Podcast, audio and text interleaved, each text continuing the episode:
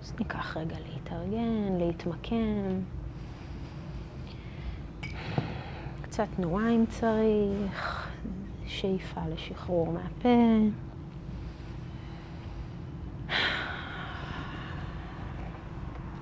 לקחת כמה רגעים למעבר,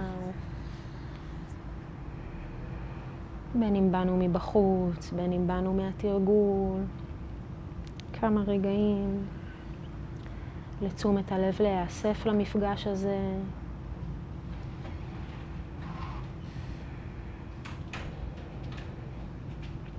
כמה נשימות מלאות, להרגיש את הגוף.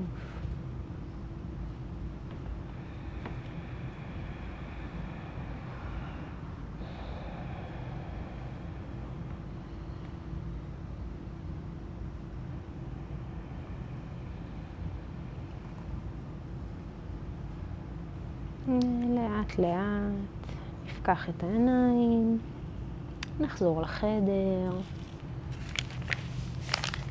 היי, שוב. אמ, משום מה נראה לי שהפעם האחרונה הייתה לפני המון זמן. לא יודעת למה. אה, גם לך? נראה לי שכבר סיימנו עם החגים. אולי עוד לא הסתנכרן משהו שם. אנחנו עדיין בקלשות, אה, נושא שמלווה אותנו כבר די הרבה זמן, אפשר אפילו להגיד אה, אולי שובר השיאים בנושא המתמשך, אה, ואפשר להבין למה. כמו שאמרתי, הקלשות הן באמת אחד הנושאים הרלוונטיים ביותר עבורנו מתוך הטקסט, וגם בלי קשר לרלוונטיות, הקלשות הן אחד הנושאים המרכזיים בטקסט בפני עצמו.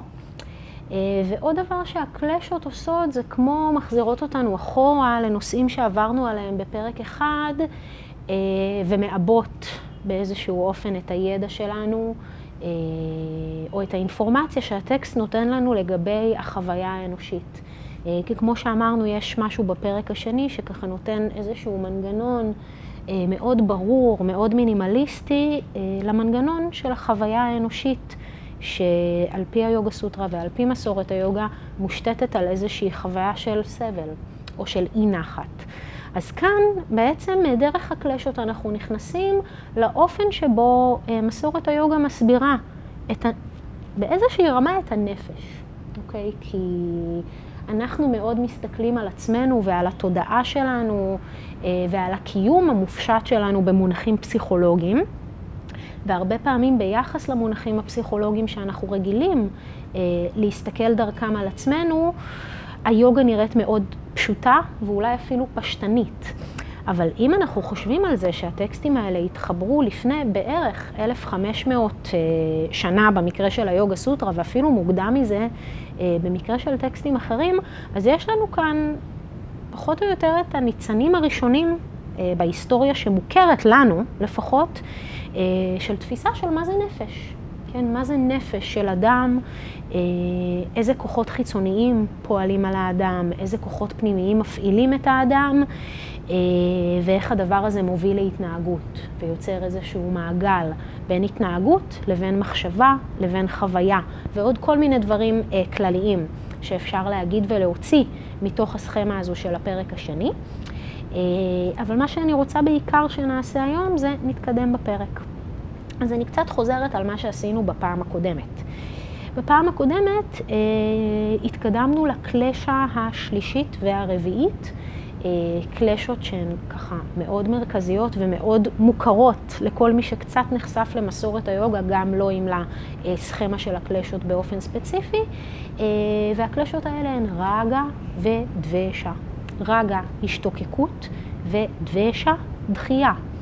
אז הסוטרות שנוגעות ברגה ודבשה אומרות אה, בצורה מאוד פשוטה שרגה או השתוקקות היא זו שנובעת מעונג או מחוויה נעימה, ודבשה או דחייה היא זו שנובעת מכאב או מחוויה לא נעימה.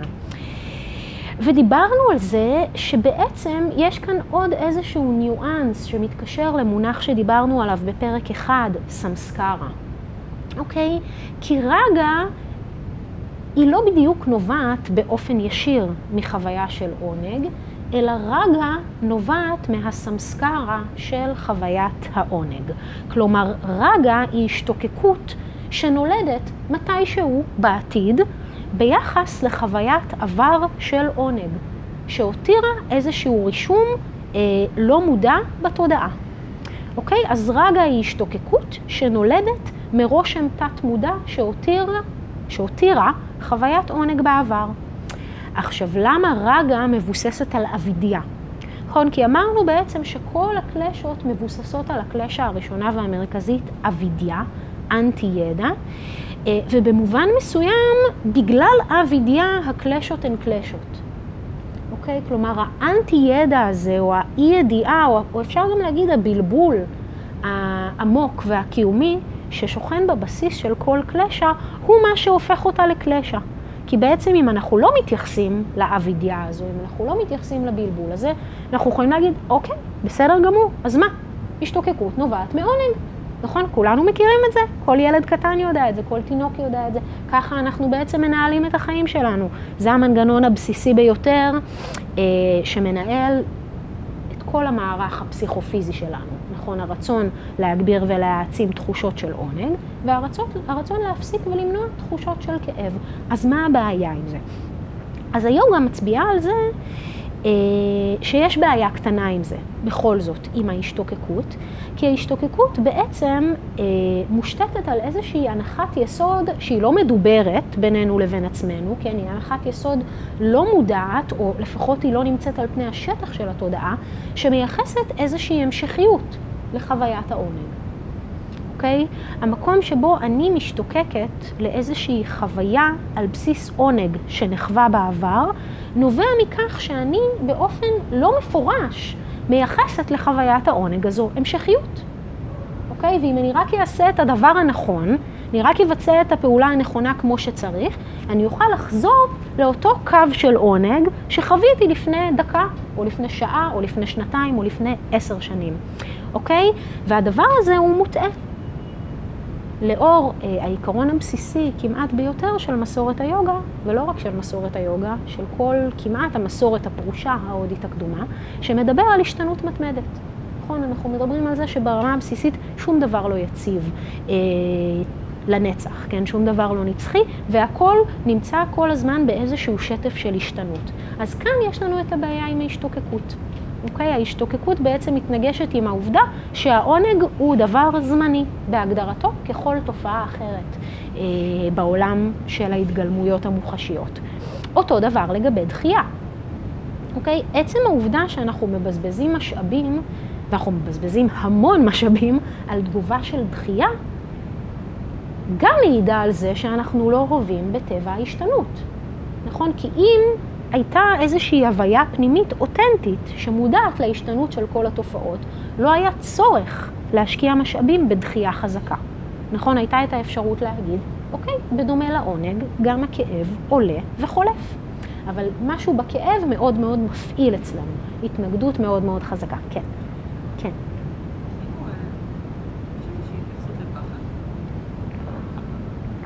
בואי תרחיבי את השאלה.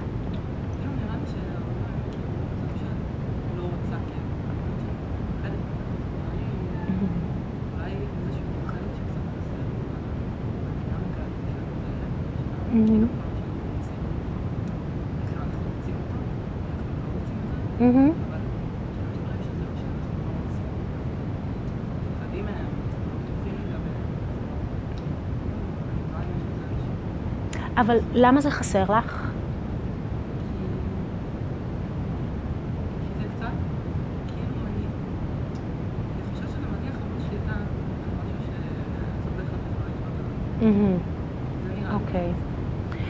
אז אם אני מבינה נכון, השאלה היא על, על האם יש התייחסות לפחד, ואת מעלה את הפחד כי את מרגישה שמשהו בסכמה הזאת באמת מניח שאנחנו יכולים לשלוט. כן, שהיא ברגע שאני מחליטה שאני לא משתוקקת ואני לא דוחה, אז אני לא עושה את זה יותר, ואת מחפשת איז, איזשהו גשר, כן, בין המקומות האלה. אוקיי, אז קודם כל, אני מבינה איך זה מצטייר כאיזשהו משהו שאנחנו יכולים לשלוט בו, ובאמת הרבה פעמים יש בלבול, ואפילו אפשר להגיד בלבול קשה ביחס לתכנים האלה. רואים את זה הרבה בכל מיני התפתחויות כמו New Ageיות. של רעיונות של מסורת היוגה והמסורת הבודהיסטית, באמת המחשבה על כל מיני קונספטים שגם יש בהם אמת, של נגיד יצירת מציאות וכל מיני דברים כאלה, שאם הם קצת פוגשים איזשהו מקום שהוא לא כל כך בריא בנפש או בתודעה, אה, יכולים להתפרש כי אנחנו שולטים על הכל. והכל הוא בראש שלנו, ונכון, ואם אנחנו רק נחליט שאנחנו לא משתוקקים, אז אנחנו לא נשתוקק, ואם אנחנו רק נחליט שאנחנו לא דוחים, אז אנחנו לא נדחה, ואם אנחנו רק נחליט שאין לנו כאב או אין לנו סבל, אז לא יהיה לנו. אוקיי, אז יש את הצד הזה, אה, שבהחלט אפשר לראות איך הוא מתפתח מהמסורת הזאת, אבל זה ממש פרשנות אה, שגויה ואפילו מסוכנת של המסורת אה, של היוגה, ולצורך העניין של התכנים שאנחנו מדברים איתם בהם כאן. כי הסיבה שהטקסט הזה מסביר לנו את זה, זה בעצם כמו לתת לנו איזושהי הזדמנות להציץ לתוך מנגנון שהוא לחלוטין לא מודע, והוא לחלוטין לא בשליטה. במצב הדיפולט, כן, של האדם הרגיל בין ה-20 ו-30 ובעולם, אוקיי? האדם שכבר נמצא עמוק עמוק עמוק בתוך הדפוסים האלה של השתוקקות ודחייה. אז אה, אין כאן הצהרה לגבי זה שזה מודע ונשלט, אלא להפך. יש כאן איזשהו משהו שחושף בפנינו מנגנון לא מודע, שמפעיל אותנו, ושבלי התרגול אנחנו בעצם באיזשהו חוסר אונים לגביו. אוקיי? לחלוטין אה, ללא שליטה על תגובת ההשתוקקות כלפי חוויה נעימה ועל תגובת הדחייה כלפי חוויה לא נעימה. זאת נקודת המוצא שלנו כשאנחנו באים אה, להתחיל לתרגל, אוקיי? אז, אז הט, הטקסט והמסורת אה, באופן כללי רואים את זה ככה. עכשיו, פחד זה משהו שהוא קצת אחר. אה, ולא סתם לא מדובר כאן על פחד. אה, הטקסט והמסורת מאוד מאוד מדויקים באופן שבו הם מאפיינים את המערך הפסיכולוגי בהיעדר מילה אחרת כשאנחנו, כשאנחנו חווים אל מול חוויות נעימות וחוויות לא נעימות. המקום של ההשתוקקות והדחייה הוא מקום שהוא מצד אחד מאוד מאוד עמוק אה, ולא מודע אצל רובנו, אבל הוא לא מקום אינסטינקטיבי. אוקיי? פחד זה איזושהי תגובה שבמהות שלה היא אינסטינקטיבית. אוקיי? ובמהות שלה היא אמורה להגן על החיים שלנו, נכון? ברמה הכי בסיסית, היא אמורה לשלום, לשמור על שלמות הגוף והתודעה שלנו. עכשיו, ש- שנייה, רגע. עכשיו, אם אנחנו הולכים מהמקום ההישרדותי הזה של פחד, ובוחנים אל מול איזה תופעות בחיים שלנו אנחנו חווים פחד, אז כמובן שאנחנו יכולים לראות שאנחנו חווים פחד לא רק כלפי דברים שמאיימים על החיים שלנו. אבל עדיין זה נובע לא מתוך איזשהו שינוי במנגנון הפנימי של פחד, אלא זה נובע מתוך הרחבה של סל הדברים שאנחנו תופסים כאיום ממשי על השלמות שלנו, אוקיי? אז בגלל שאנחנו יצורים מפותחים, זה לא רק שלמות הגוף ברמה הבסיסית ביותר, זה יכול להיות גם דברים שמאיימים על השלמות של האגו שלי, או על השלמות של הזהות שלי, או על השלמות של המציאות כפי שאני רגילה לתפוס אותה. אוקיי? כל אלה דברים שאנחנו יכולים לחוות מולם פחד. אבל ברגע שיש לנו את הפרספקטיבה של השתוקקות ודחייה, אנחנו יכולות רגע לקחת צעד אחורה ולראות, אוקיי, מה זה פחד? גם פחד זה בסך הכל חוויה לא נעימה. אוקיי? אז יש לנו את האובייקט החיצוני או הפנימי שמולו אנחנו חווים פחד, אבל הפחד הזה בפני עצמו הוא גם בסך הכל חוויה לא נעימה. אלא אם כן הוא פחד שמיועד להציל את חיי, ועכשיו אני צריכה לברוח, או אני צריכה לעשות את הדבר שאני צריכה לעשות כדי להמשיך את הקיום השלם שלי. אוקיי, okay, אבל לגבי כל שאר הדברים שאנחנו חווים כלפיהם פחד במהלך החיים, פחד הוא בסך הכל חוויה לא נעימה, שבדרך כלל, ב-99% מהמקרים, מקבל תגובה של דחייה. נכון? רוב הפעמים כשאנחנו חווים פחד אל מול משהו, התגובה הפנימית לפחד היא דחייה. ולדחייה הזו יכול, יכולים להיות כל מיני ביטויים התנהגותיים. אני יכולה לכעוס על עצמי שאני מפחדת, אני יכולה ללעוג לעצמי שאני מפחדת, אני יכולה אה, להיות מתוסכלת שאני מפחדת.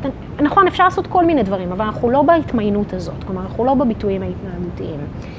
אה, עניתי באיזושהי צורה, אוקיי, זה קצת היה מפושט, אבל, אה, אבל זה, זה בגדול על הפחד. אבל מה שחשוב באמת להגיד בהקשר למה שהילה שאלה, זה שבאמת לא תצטייר התמונה שאנחנו שולטים בהשתוקקות ובדחייה. אנחנו צריכים לעבוד קשה כדי לשלוט בהשתוקקות והדחייה. השליטה.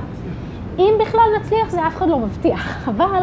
אה, נכון, השליטה בהשתוקקות והדחייה היא משולה להערה, אוקיי? מה הכוונה לכניעה?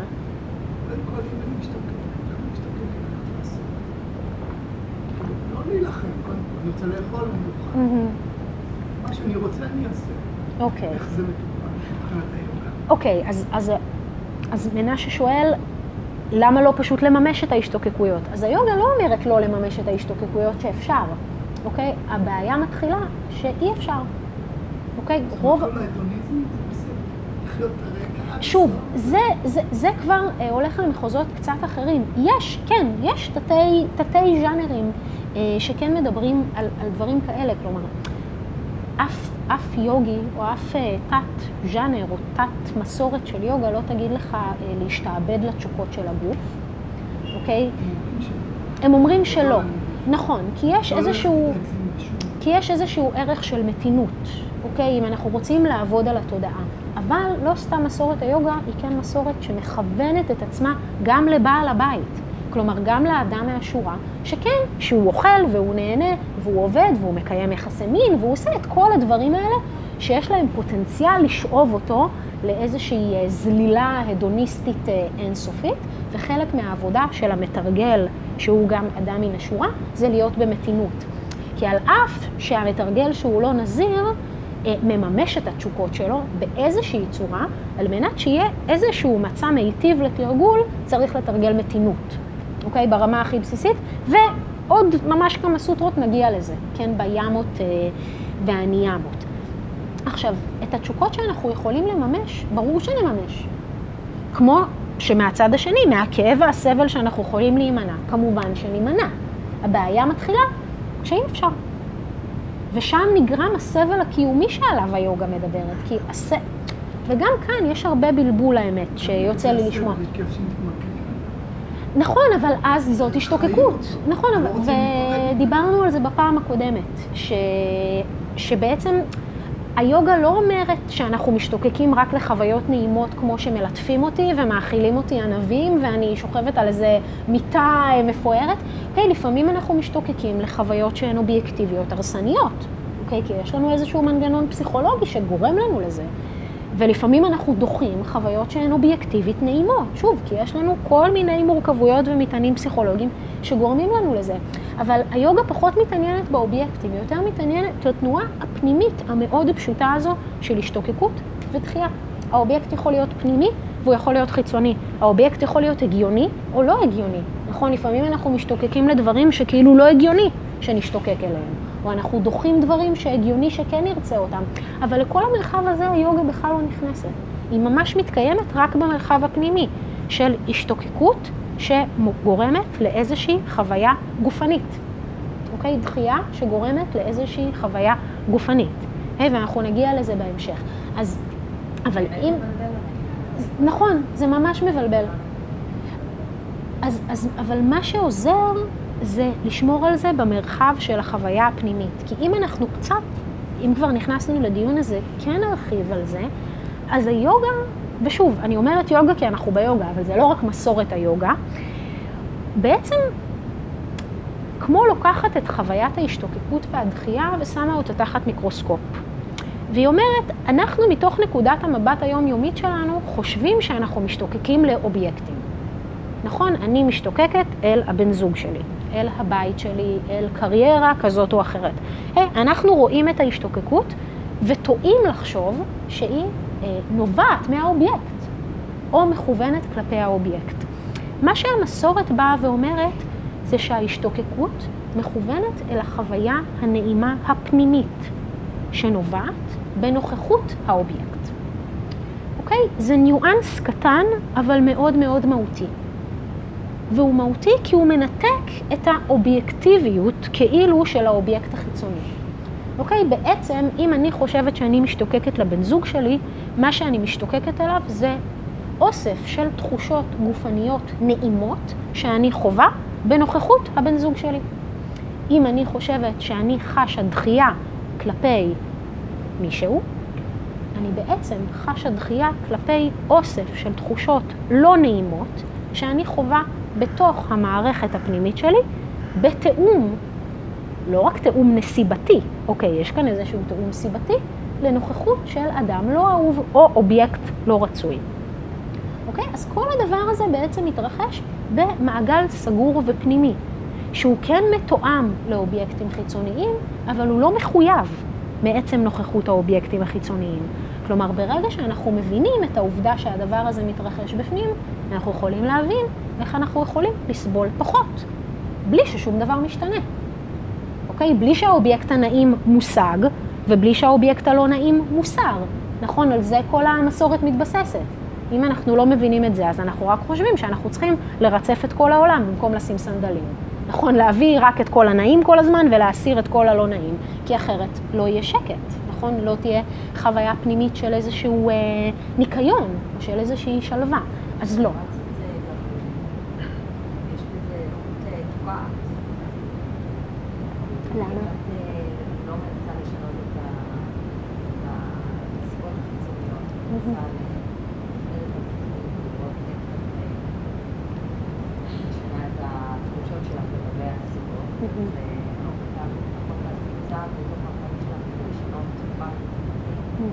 אוקיי, אז בעצם נטע אומרת משהו על זה שאם אנחנו מתמקדים יותר מדי בפנימי, אז אנחנו פחות מניעים בחיצוני.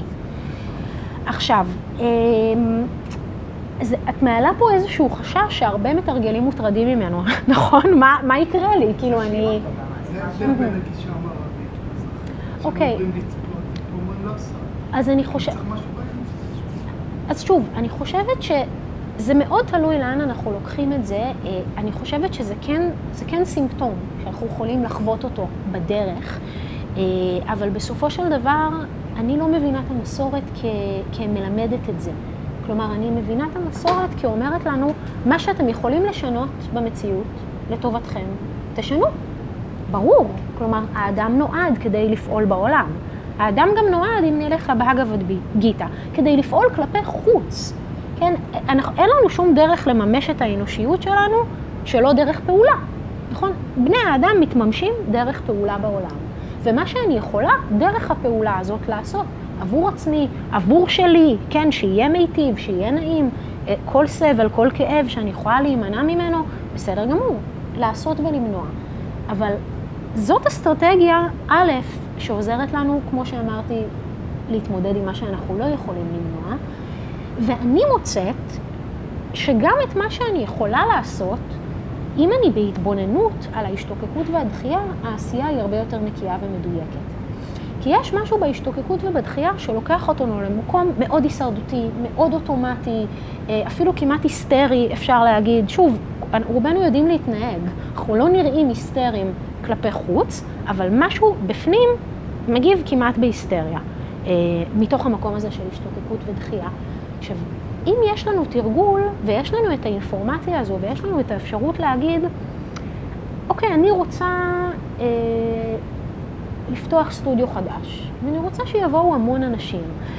ואני רואה את, את, את, כבר את הדבר הזה שעולה, השתוקקות, שאני אצליח, שיהיה לי כוח, שיהיה לי, לא רע, כן, בקטע טוב, השתוקקות, רצון שזה יצליח. ודחייה כלפי הפחד, מה יקרה אם אני אכשל, מה יקרה אם זה לא ילך, מה יקרה אם זה לא יעבוד. אלה דברים שיגרמו לפעולה החיצונית להיות מאוד מוגבלת, מאוד תקועה ומאוד עמוסה, אה, ממש ברטט לא מיטיב. אוקיי? בוויברציות לא מיטיבות. מצד שני, אותה פעולה, נכון? אני רוצה לפתוח סטודיו חדש, אבל אני רואה את זה שעולה בהשתוקקות מאוד חזקה, שהוא יצליח ושיבואו אנשים. אני רואה את זה שעולה בתגובה דחייה מאוד חזקה מעצם המחשבה שאני לא אצליח ואני אכשל, ואז אני לוקחת איזשהו מרחק מזה, מנקה את זה ורואה מאיזה מניעים אני באמת רוצה לפעול. אוקיי? כי הרבה פעמים אם אנחנו פועלים מתוך המניעים של ההשתוקקות והדחייה, הפעולה נראית ככה. ודיברנו על זה קצת אה, בהתחלה של פרק 2, שהזרע שאנחנו שמים בבסיס של הפעולה, ככה הפעולה נראית.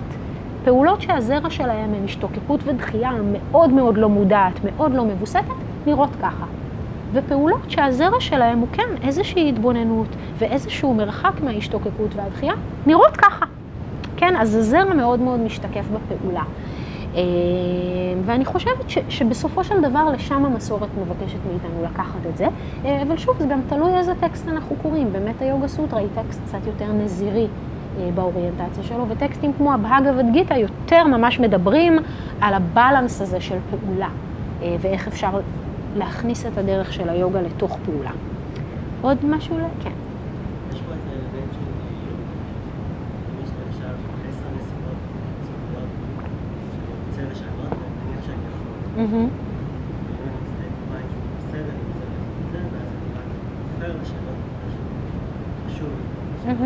נכון.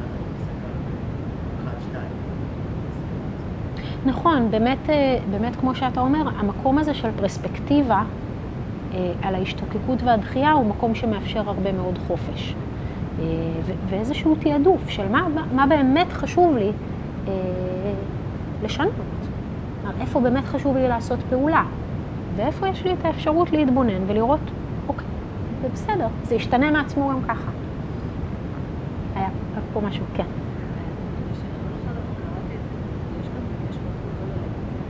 Mm-hmm.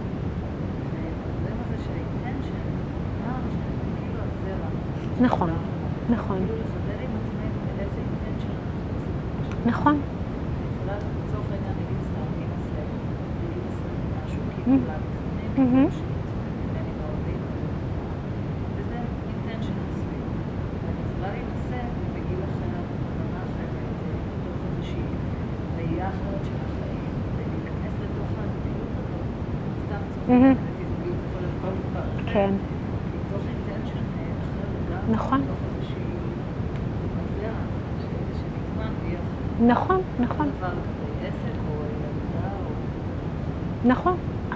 הזרע הוא, הכוונה היא בעצם זאת שיוצרת את הקרמה.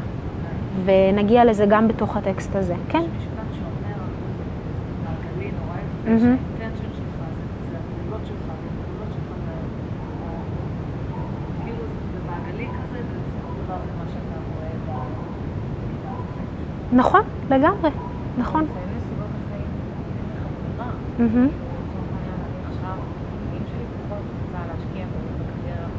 נכון, לגמרי, נכון.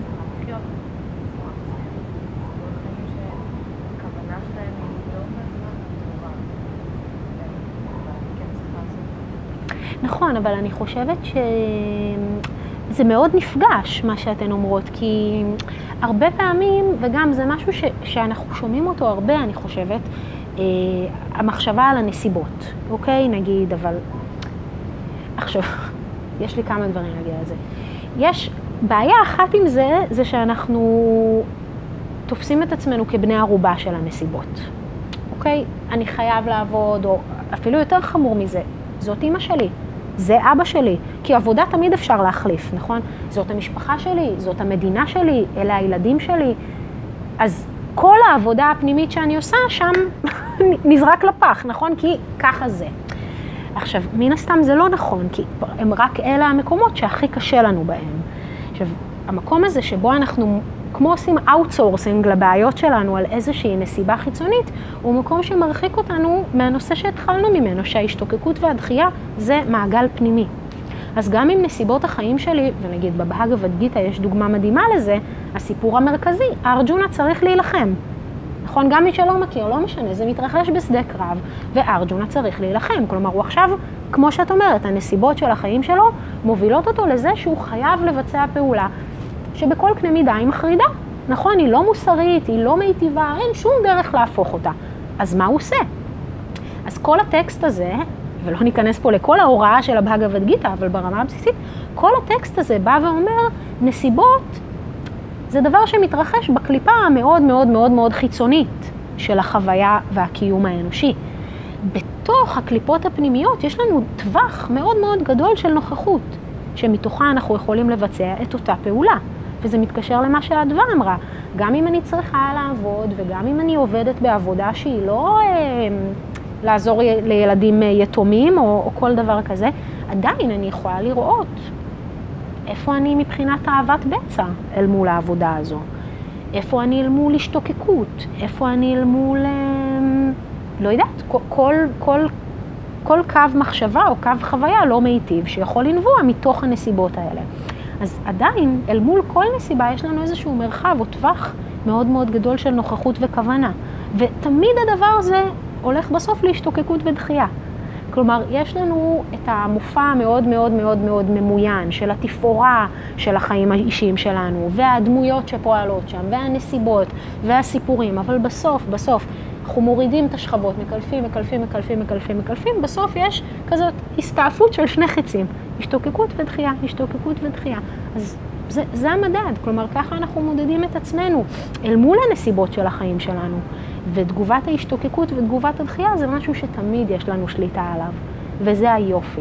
היוגה בעצם, היא לא שולחת אותנו בכוונה לחפש נסיבות חיים קשות, כי היא אומרת, גם ככה יש לכם, מספיק, תגיעו, לאף אחד אין אה, פס מהדבר הזה, וכשתגיעו לנסיבות חיים הקשות, אז תיווכחו שיש לכם מרחב פנימי מאוד מאוד גדול לתמרן בתוכו, אל מול נסיבת החיים הקשה, שהיא חלק נורמטיבי מהמציאות. מתישהו כולנו נגיע ונתמודד. כן, ועל מה שיש לנו שליטה מובן מאליו שאנחנו מנסים לשלוט. כאילו, אנחנו לא צריכים אסטרטגיה בשביל זה. ו- וכמו שדיברנו קודם, גם אם על מה שאנחנו מנסים לשלוט, נפחית את, את המידה שבה אנחנו מופעלים על ידי השתוקקות ודחייה, רק יצא לנו יותר טוב. כן, רק נוכל לפעול ביותר דיוק, ביותר בהירות, ו- וממש מתוך רטט מיטיב. אוקיי? רטט מיטיב ש... ממש כמו מטעין בהצלחה כל פעולה שאנחנו עושים. כן? הרבה יותר מרטט לא מיטיב. לפעמים אנחנו נכשלים גם עם זה, אוקיי? אף אחד לא מבטיח לנו כלום. אבל עדיין החוויה הפנימית תמיד יכולה להיות יותר ויותר מיטיבה. עוד משהו להגיד? אוקיי, אז בואו רק נסיים את הקלשות.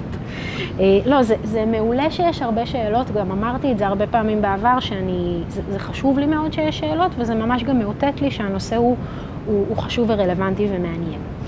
אה, אבל בכל זאת, נמשיך לקלשה האחרונה. הקלשה האחרונה היא אבהי ניבשה. אני לא מקריאה את הסנסקריט כי נגמר לנו תכף הזמן. אז אבהי ניבשה זה היצמדות, אוקיי? אבל אבהי ניבשה היא בעצם קלשה של היצמדות לחיים, אוקיי? והסוטרה אומרת ככה, היצמדות לחיים היא נטייה טבעית או אוטומטית או נובעת מעצמה, אז היא נטייה טבעית הנובעת מעצמה, המאפיינת אפילו את החכמים. אוקיי? זאת הקלשה האחרונה, כלומר גורם המכאוב האחרון, אה, שהוא היצמדות לחיים. עכשיו, היצמדות לחיים היא כמו שהיא נשמעת, אוקיי? ההיצמדות שלנו לחיים בלידה הנוכחית, בגוף הזה, אה, ואם ננסח את ההיצמדות לחיים מהצד השני, אז אפשר לקרוא לה הפחד מהמוות. עכשיו, אה, אני רוצה לתת קצת את מה שוויאסה אומר על זה. אז קודם כל, ויאסה אומר שהקלשה הזו משותפת לכל היצורים החיים, ושאת ההיצמדות לחיים אפשר לראות אפילו אצל התולעים. עכשיו, עוד דבר מעניין שוויאסה אה, אומר, והוא לוקח את זה ככה למקום קצת אחר, הוא בעצם מציין שהפחד הזה מהמוות, או הנטייה להיצמד לחיים, לא תלויה באף אחד מאמצעי הידיעה שיש לנו. זוכרים אמצעי ידיעה מהפרק הראשון? דיברנו על פרמנה, נכון, על, על אמצעי הידיעה אה, שבאמצעותם אנחנו כמו, חושבים שאנחנו יודעים משהו לגבי המציאות. אז ויאסה אומר שהפחד מהמוות הוא, הוא כמו איזשהו אינסטינקט, כן, הוא ממש אינטואיטיבי, והוא לא תלוי בזה שמישהו ילמד אותנו את זה. אנחנו לא צריכים אה, סמכות שתבוא ותגיד לנו, כדאי לכם להישאר בחיים. אלא זה איזושהי נטייה שכמו שוויאסה אומר, מאפיינת אפילו את התולעים. אה, אז אנחנו לא צריכים בשביל לפחד מהמוות תפיסה, היקש, אה, מילה של מומחה, זוכרים את כל הדברים שדיברנו עליהם בפרק האחד, בפרק הראשון, אלא כמו שנאמר בסוטרה, היצמדות לחיים היא נטייה טבעית. כן, היא כמו סוורסה, היא מזינה את עצמה, כן, היא מתדלקת את עצמה. אה, וויאסה באופן מעניין משתמש באיכות הזו, במאפיין הזה של היצמדות לחיים, כהוכחה לזה שהייתה לנו אה, לפחות לידה אחת קודמת. אוקיי, הוא אומר, אם לא הייתה לנו לידה קודמת, שבה חווינו את הנוראיות של המוות, לא היינו נולדים עם האינטואיציה הזו להיצמד לחיים ולפחד מהמוות. אוקיי, אז זה פשוט איזשהו מקום אה, מעניין שוויאסה לוקח את זה אליו, ואני רק אסיים בלציין למה, אה, למה זה קלשה. אוקיי, אז חושבת שלכולנו ברור שהפחד מהמוות הוא גורם סבל מרכזי בחיים של רוב היצורים החיים, אבל הקשר בין אבהיניבשה, כן, בין היצמדות לחיים לאבידיה, זה שההיצמדות לחיים בעצם מבוססת על זיהוי של עצמי עם הגוף. אוקיי? המחשבה, אני זה הגוף. וכשהגוף הזה ייגמר, גם אני אגמר.